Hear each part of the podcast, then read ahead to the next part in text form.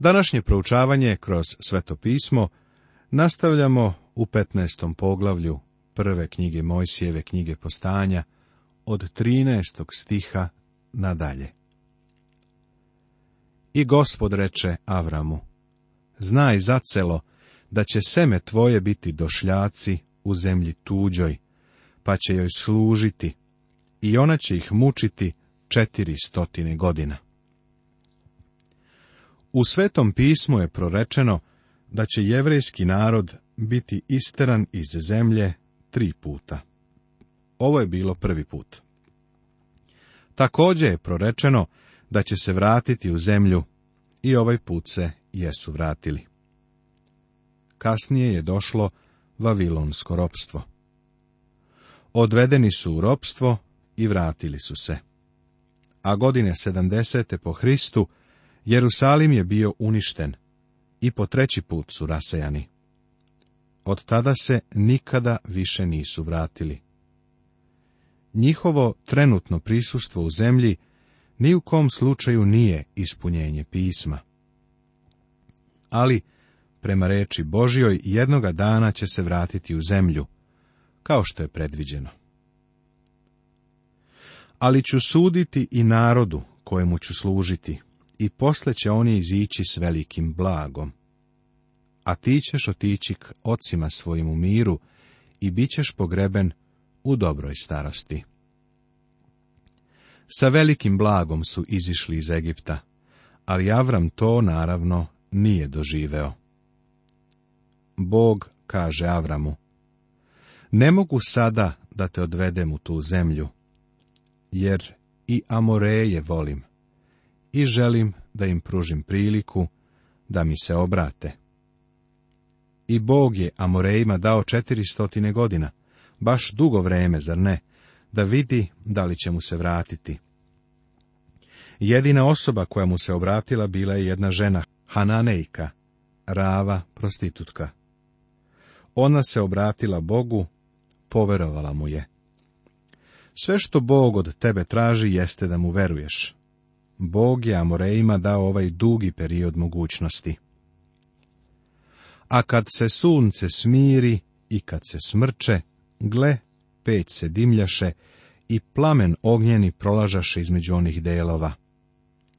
Ovo govori o Hristu. Peć naravno govori o sudu, a plamen govori o njemu kao o svetlosti sveta.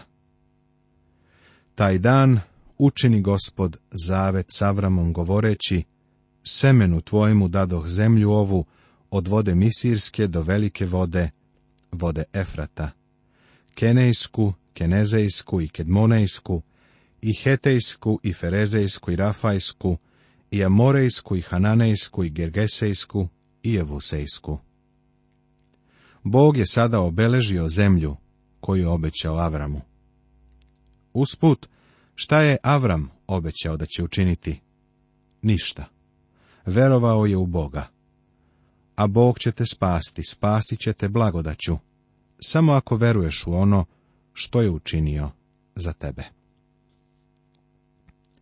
Poglavlje 16. Sada kada smo došli do ovog poglavlja, moram priznati da bih skoro i želeo da ga nema u Bibliji, da ga je Bog izostavio. Nakon što se Avram u 15. poglavlju uzneo na visine, rekli bismo da on sada sigurno korača tim uzvišenim mestima, ali Avram nije savršen. U poglavlju 16. vidimo kako vera ovog čoveka zastranjuje u vezi sa Sarom i Agarom, služavkom Egipćankom. U ovom poglavlju imamo i Avramovu i Sarinu neveru, kao i rođenje Ismaila. Ovo je izvesno pad nakon čuda iz prethodne glave. Sara daje predlog da Avram uzme Agaru. Ali Sara, žena Avramova, ne rađaše mu dece, a imaše robinju Misirku po imenu Agaru. Avram je u Egiptu dobio dve stvari, koje su mu stvarno priredile nevolju. Jedna je bogatstvo, a drugo mala služavka Egipćanka. Pa reče Sara Avramu, Gospod me je zatvorio da ne rodim, nego idi k robinji mojoj, ne bi li dobila dece od nje. I Avram prista na reč Sarinu. Ovo što je Sara predložila, bila je uobičajena praksa u to vreme. Ako žena nije mogla da ima dete, tu su bile konkubine. Nemoj reći da je Bog to odobravao. Bog ovo uopšte nije odobravao. Ovo je bila Sarina ideja, a Avram ju je poslušao. Izgleda kao da on ovde predaje poziciju koju je imao kao glava kuće i da sledi Sarin predlog. I Sara, žena Avramova, uze Agaru Misirku, robinju svoju, i dade je za ženu Avramu, mužu svojemu, posle deset godina, od kako se nastani Avram u zemlji Hananejskoj. Ova mala egipatska služavka postaje tako konkubina, a to nije bilo u skladu sa Božjom rečju. Bog uopšte nema nameru da prihvati ovo potomstvo i nije i neće. Zašto? Zato što ovo nije u redu. Nemoj reći da je Bog ovo odobrio. Sve što možeš reći jeste da je ovo zabeleženo zato što je to istorijska činjenica.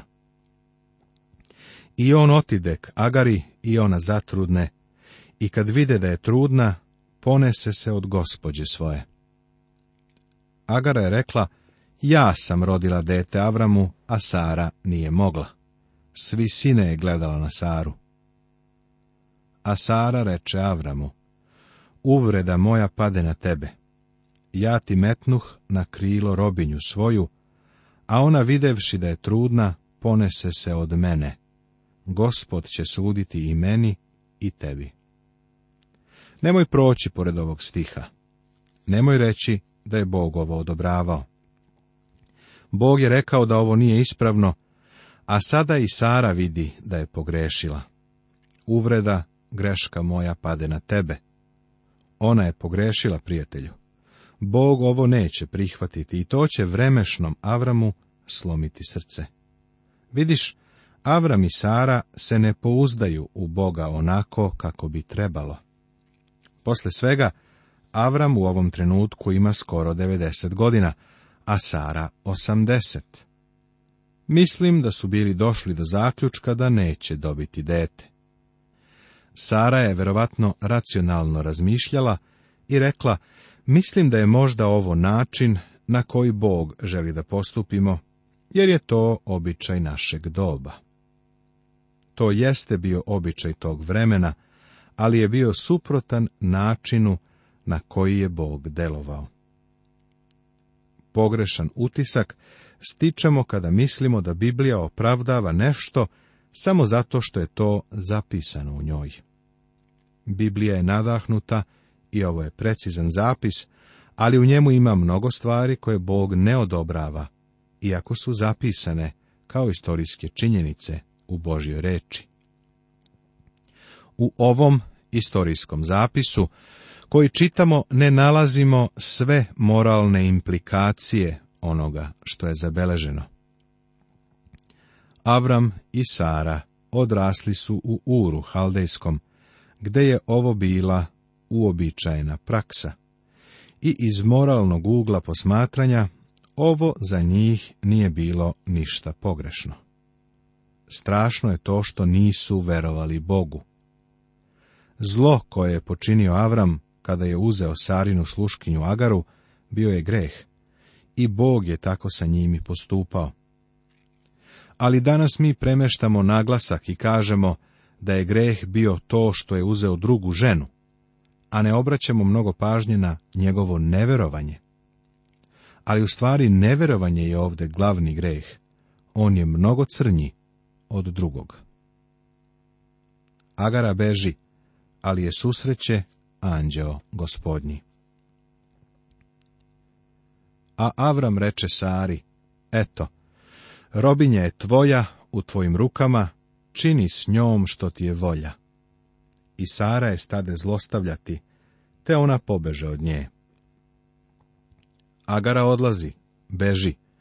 Ovo je za nju i za dete koje je nosila značilo smrt, ali anđeo gospodnji nađe kod studenca u pustinji, kod studenca na putu za sur. Sklon sam da verujem da anđeo gospodnji nije niko drugi nego preutelovljen Hristos. Ovo je njegova osobina. On stalno traži izgubljene. A Agara je otišla dosta daleko od kuće. I reče joj, Agaro, robinja Sarina, od kuda ideš, kuda li ideš? A ona reče, bežimo care gospođe svoje. A anđeo joj gospodnji reče, vrati se gospođi svojoj i pokorioj se. Opet joj reče anđeo gospodnji, umnožit ću veoma seme tvoje, da se neće moći prebrojati od množine. U četvrtom poglavlju poslanice Galatima Svetoga pisma Novog Zaveta, apostol Pavle koristi ovo kao alegoriju. On tu govori o Agari i njenom potomstvu, kao potomstvu Sinajske gore, na kojoj je dat Mojsijev zakon. A onda govori o legalitetu i svezama, odnosno ropstvu, toga zakona. Potom govori o Sari, kao o onoj koja je slobodna.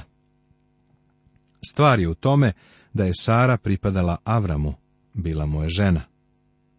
Mnogi ljudi danas idu za nečim drugačijim, idu pod zakon. Ali prijatelju kao vernici pridruženi smo Hristu ili sjedinjeni smo s njim. Crkva je venčana za Hrista, kaže apostol Pavle, kao časna devica i jednoga dana će postati Hristova nevesta. Prema tome moram ti reći, ne moraš da budeš pod zakonom. Zakon je nešto što nam više nije potrebno. On je kao agara. Na to apostol Pavle ukazuje u poslanici Galatima. Ovo će biti velika tuga ne samo za Saru, za nju je već bila nego će čak i veća žalost kasnije biti za Avrama. Agara se sada vraća da rodi dečaka, a taj dečak je Avramov sin. Još te joj reče anđeo gospodnji, eto si trudna i rodit ćeš sina, i nadeni mu ime Ismajlo, jer je gospod vidio muku tvoju. I bit će čovek ubojica, ruka će se njegova dizati na svakoga a svačija na njega, i nastavaće na pogledu svoj braći svojoj. Da li si ovaj stih posmatrao u svetlu oko 4000 godina istorije Bliskog istoka? Šta se tamo danas dešava? Ismailovi potomci su ljudi divljine, ljudi pustinje. Priča o beduinskim plemenima u pustinji traje vekovima, a baš to je ispunjenje proročanstva koje je Bog dao. Oni kažu da su sinovi Avramovi, ali i da su sinovi Ismailovi. Preko Ismaila povezani su sa Avramom. Tada Agara prizva ime gospoda koji govori s njom, ti si Bog koji vidi, jer govoraše, zar još gledam iza onoga koji me vide? Toga radi Zove se studenac onaj studenac živoga koji me vidi, a on je između Kadisa i Varada. Kako je Bog dobar Agari! Ovo nije bio njen greh, pa Bog vrlo pažljivo i darežljivo postupa sa njom. Dozvoli mi da ponovim da verujem da anđeo gospodnji ovde nije niko drugi do preutelovljeni Hristos, koji je otišao da traži i pronađe izgubljeno. On je takav pastir i on joj donosi ovu dobru reč. Tada Agara prizva ime gospoda koji govori s njom, ti si Bog koji vidi. Ovo je za nju nešto novo, nešto što pre nije shvatala. Egipćani su imali vrlo primitivnu ideju i shvatanje o Bogu. Jer govoraše, zar još gledam iza onoga koji me vide? Ona je preplavljena činjenicom da nju Bog vidi. Izgleda da za nas danas to i nije tako impresivno, jer imamo viši pogled na Boga od tadašnjeg. Ali zastani za trenutak mi verovatno isto tako nedovoljno poznajemo Boga kao i Agara. Teško je malom, ograničenom čoveku da shvati beskrajnog, neograničenog Boga, pa je kod svih nas prisutno nedovoljno poznavanje Boga. Mislim da ćemo kroz večnost koja je pred nama upoznavati Boga. Ovo je vredno proučavanja za svakog čoveka upoznati Boga je nešto što će dati dostojnu poziciju čoveku kroz celu večnost. Ismailovo rođenje I rodi Agara Avramu sina i nadede Avram sinu svojemu koga mu rodi Agara ime Ismailo. A beše Avramu 86 godina kad mu Agara rodi Ismaila. Seti se da je Ismailo Avramov sin i da Avram sada ima 86 godina. Iskušavanje Avrama Pre nego što krenemo dalje, želeo bih da napravim rekapitulaciju sedam Božijih javljanja Avramu. Pet od njih smo već vidjeli. U Avramovom životu je bilo izvesnih promašaja, ali je bilo i uspeha – u stvari, sedam puta je Bog stavljao Avrama na proveru. Prvo, Bog je pozvao Avrama iz Ura Haldejskog, iz njegovog doma, i Avram je delimično odgovorio. Njegova vera je bila slaba i nesavršena, ali je barem krenuo. Avram konačno bezbedno stiže u zemlju Hanan i Bog ga je blagoslovio. Drugo, u zemlji Hanan zatim nastupa glad. Avram zato iz Hanana beži u Egipat. Tamo stiče blago i agaru, dva kamena spoticanja. Avramu su data bogatstva, koja su pravi ispit ili ti kušnja. Uzgred budi rečeno, mnogim ljudima je bogatstvo bilo kamen spoticanja. Iskreno, uvek sam želeo da me Bog stavi na takav ispit, nego na neke druge koje sam imao. Ali ipak, mišljenja sam da nije mogao da mu poveri bogatstvo. Avram nije zaboravio Boga, a i bio je darežljiv i velikodušan prema svom sinovcu Lotu. Bogatstvo je dovelo do toga da su se njih dvojica odvojili, pa se Bog ponovo javio Avramu. Četvrto. Kroz to što je porazio kraljeve sa istoka, Avrams je stekao moć. Ovo je bio pravi test jer je Avram bio pobednik. Sreo ga je Melhisedek i ja mislim da je to Avrama ojačalo za proveru, pa je on odbio ratni plen. Posle toga Bog se javio Avramu i ohrabrio ga. Peto. Bog je odložio da Avramu podari sina od Sare. Avram je postao nestrpljiv i po Sarinom nagovoru uzima stvar u svoje ruke i izlazi iz Božije volje. Kao rezultat toga rodio se Ismailo. Današnji pustinski Arapi još uvek muče Izrael i to će nastaviti da rade mislim sve do hiljadugodišnjeg carstva.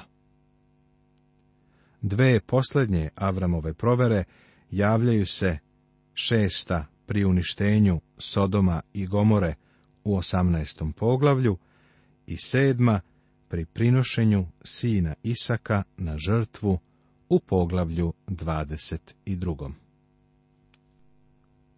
Nastavit će se.